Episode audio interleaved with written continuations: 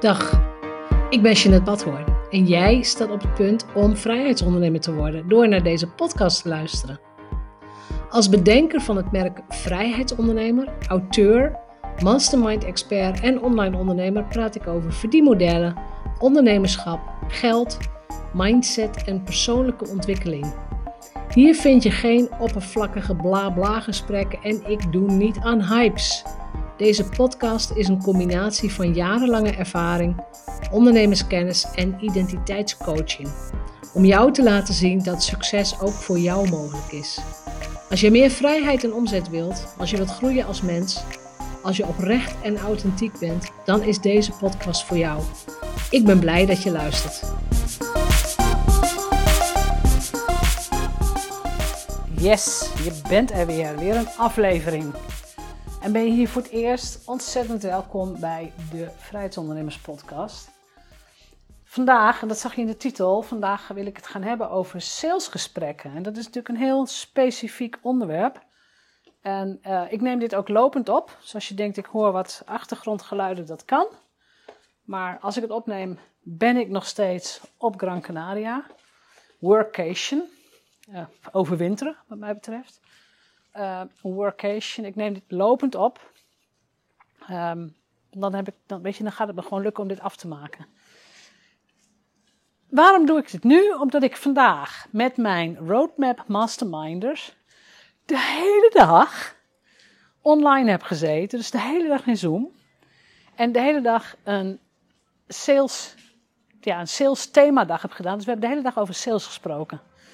En alles wat erbij komt. En ik wil graag eens inzoomen op het, uh, ja, op, weet je, sales helemaal is te breed. Daar kan ik gewoon drie maanden een training over gaan geven. Dat is, dat is niet wat ik wil doen.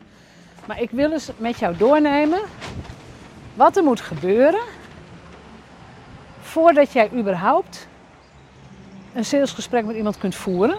Dus het, het gaat ook om het moment waarop je een klant aan de telefoon hebt, om zo te zeggen. En dan wat doe je nou tijdens een salesgesprek? Wat gebeurt er dan? Hoe ga je dat vormgeven? Hoe ga je zorgen dat uit een salesgesprek een klant gaat komen? Dus we gaan daar gewoon stap voor stap lekker doorheen. Alright, het salesgesprek. Wat ik graag wil is dat je gaat nadenken: hoe komt iemand überhaupt in mijn agenda terecht? Dus wat moet er gebeuren voordat iemand, nou ja, sowieso ergens op een link klikt of contact met je zoekt? Dus wat moet er allemaal gebeuren voordat je überhaupt iemand spreekt? En voor heel veel ondernemers is dat een soort black box. Ja, het staat op mijn website. Ja, ja, ik bied het af en toe aan op social media, maar ja, ja of ze boeken, weet ik niet. En dat is, dat is een proces van, van analyse, van bewustwording, maar ook van sturing. Je kunt daar dus op gaan sturen, op de dingen die je wilt. Want het belangrijkste van het voeren van een strategiegesprek is het voeren van een gesprek, een salesgesprek, met de juiste persoon. Want we zitten hier eh, niet om onze tijd te gaan verspillen. Jij niet, ik niet.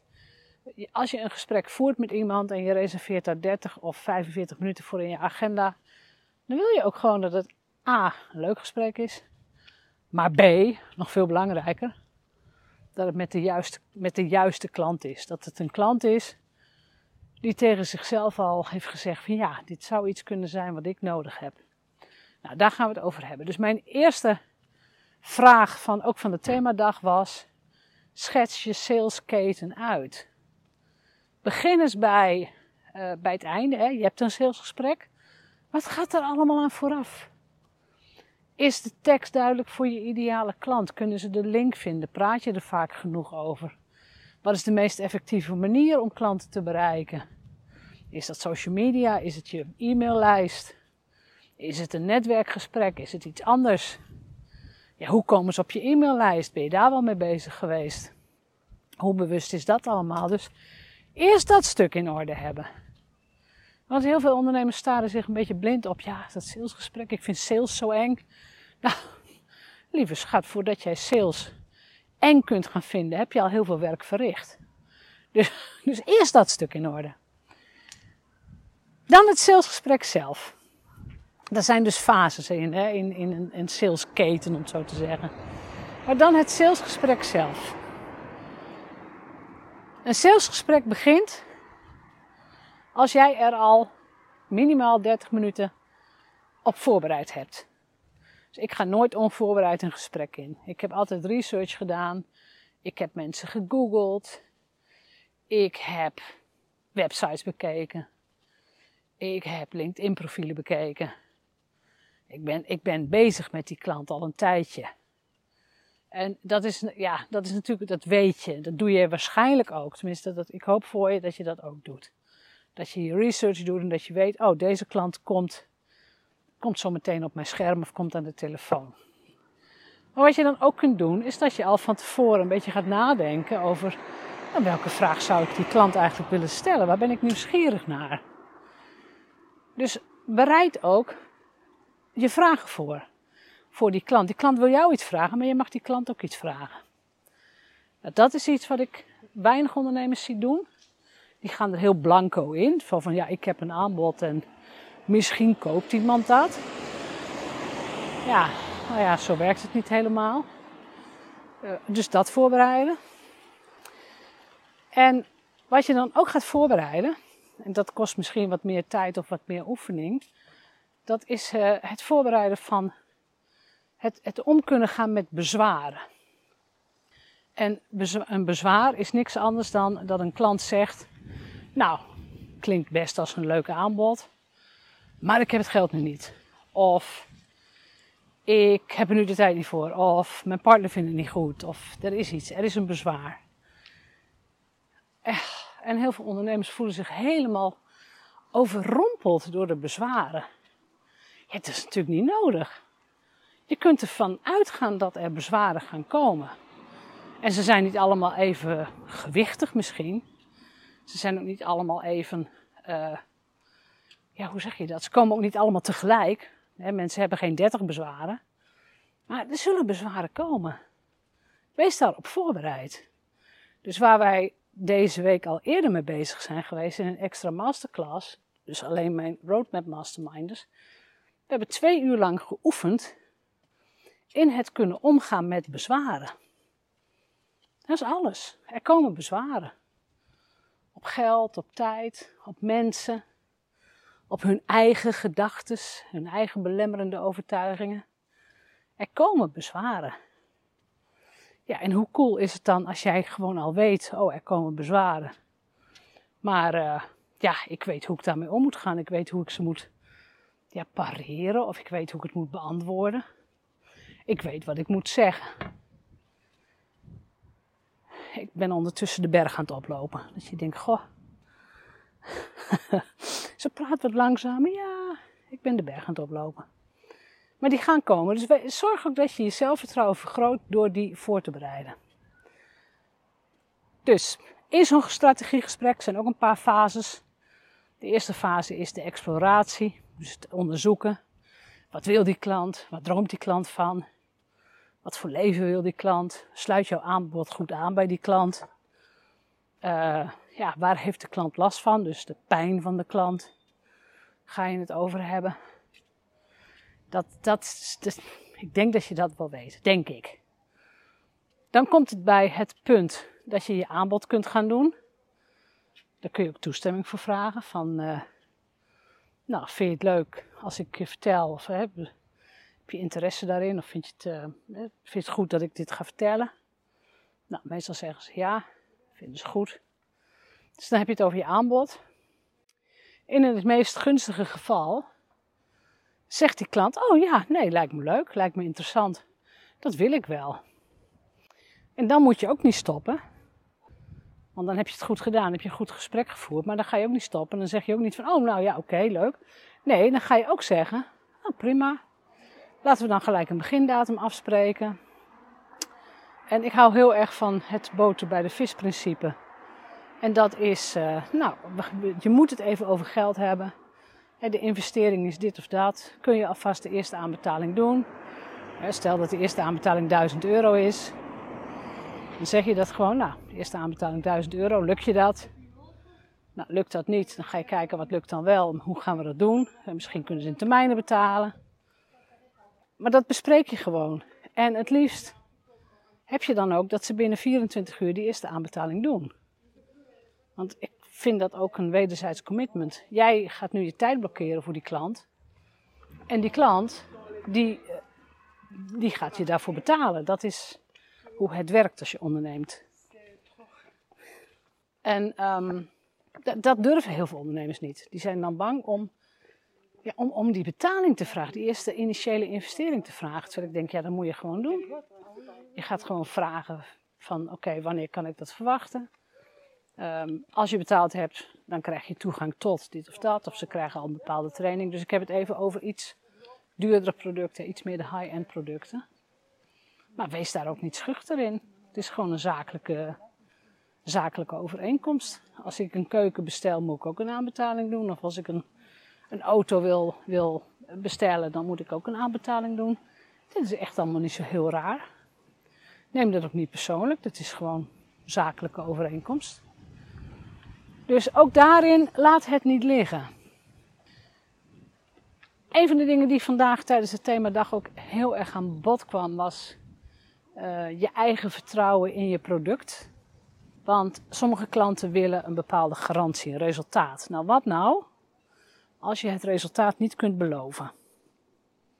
En dat komt natuurlijk voor. Hè? Dus uh, als, als je meer in de serviceverlening zit, dus eigenlijk ja, wat ik ook doe, dus transformatie, mindset, uh, identiteitscoaching, zelfvertrouwen, eigenwaarde. Als je in zo'n soort business zit, ja, dan, je kunt natuurlijk niet zeggen van je gaat van 33% zelfvertrouwen. En als je alle opdrachten doet en op het eind van mijn traject zit je op de 88% zelfvertrouwen. Dat, ja, dat is geen algebra. Het is geen wiskunde wat we doen. Wij zitten in een, tenminste ik zeg even wij, want heel veel van mijn klanten zitten ook in deze business. Dus coaches zitten vaak in een business die minder goed kwantificeerbaar is. En als je dan als een klant dan zegt, ja, wat heb ik er nou aan als ik met jou werk?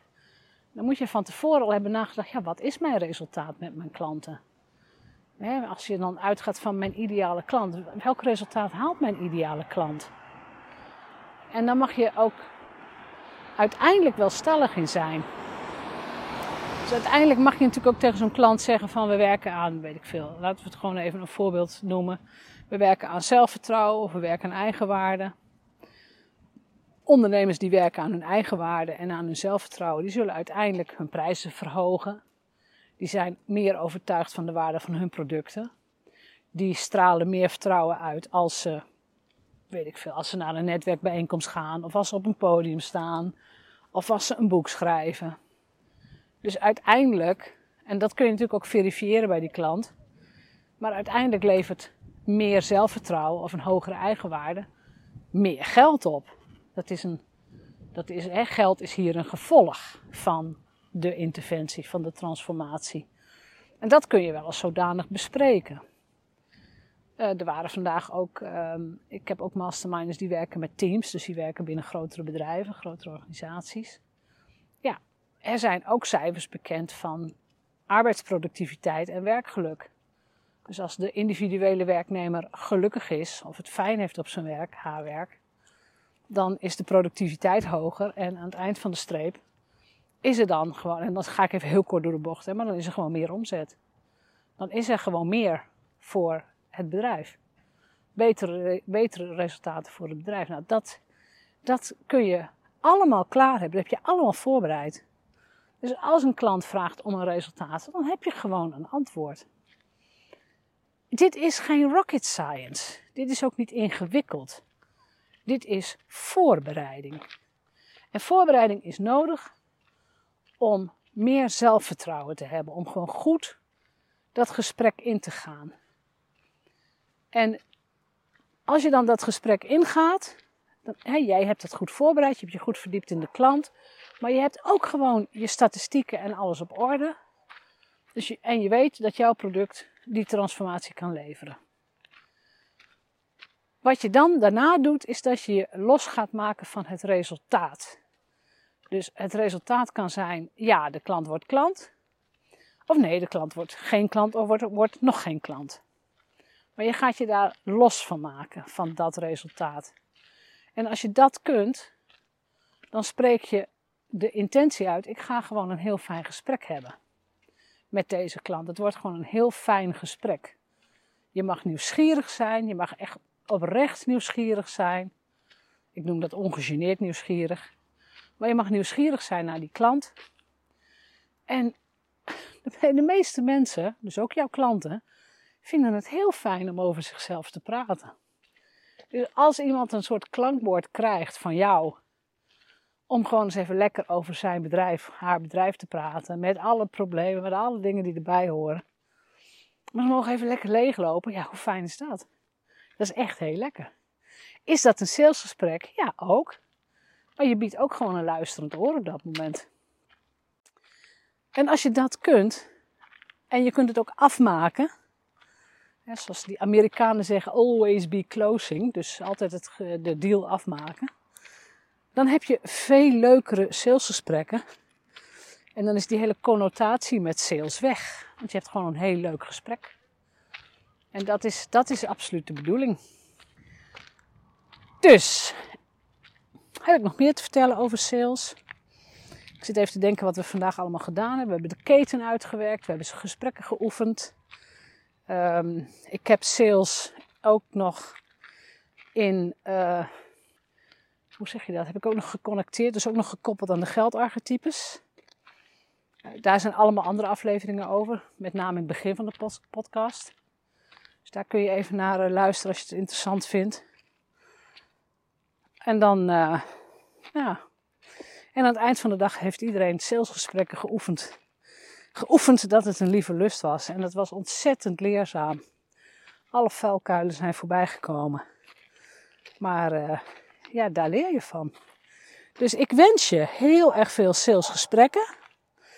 En heel erg veel sales. Want dat is natuurlijk helemaal de bedoeling. Dus voor nu, vanaf Gran Canaria, ik ben weer een berg aan het oplopen, mocht je dat horen. Vanaf Gran Canaria wens ik je een hele fijne dag en heel veel succes in je business. Ja, ik wil nog één ding toevoegen. Uh, de geldarchetype test, de assessment, kun je gratis op mijn website doen. Dus jeanettebadhoorn.nl slash ontdek-geld-archetype. Ik zal de link ook in de show notes zetten, dus die vind je hieronder. En mocht het zo zijn dat je denkt, ja, ik heb die training ook echt nodig, of er moet echt eens, er moet echt wat veranderen. Ik wil, ik wil verandering, ik wil transformatie, ik wil in een leuke groep mensen met een fatsoenlijke business coach werken aan mijn business, werken aan mezelf. Maar ik wil vooral die groei zien. Ik wil moeiteloos meer klanten, maar echt op een manier die bij mij past, die leuk is. Boek dan een call met mij in. Die kun je vinden via mijn website jeanettebadhoorn.nl. Ook die link staat in de show notes. Want het allermooiste van mijn mastermind is dat wij allemaal elkaar het licht in de ogen gunnen. Dus we allemaal zijn we bezig met, met verbetering, met groei, met, ja, met plezier, met joy, met moeiteloosheid. Maar we zijn allemaal bezig om elkaar beter te maken. En dat is zo krachtig. Als je nog nooit in een mastermind hebt gezeten, dan dit is de magie. En dat gun ik jou ook.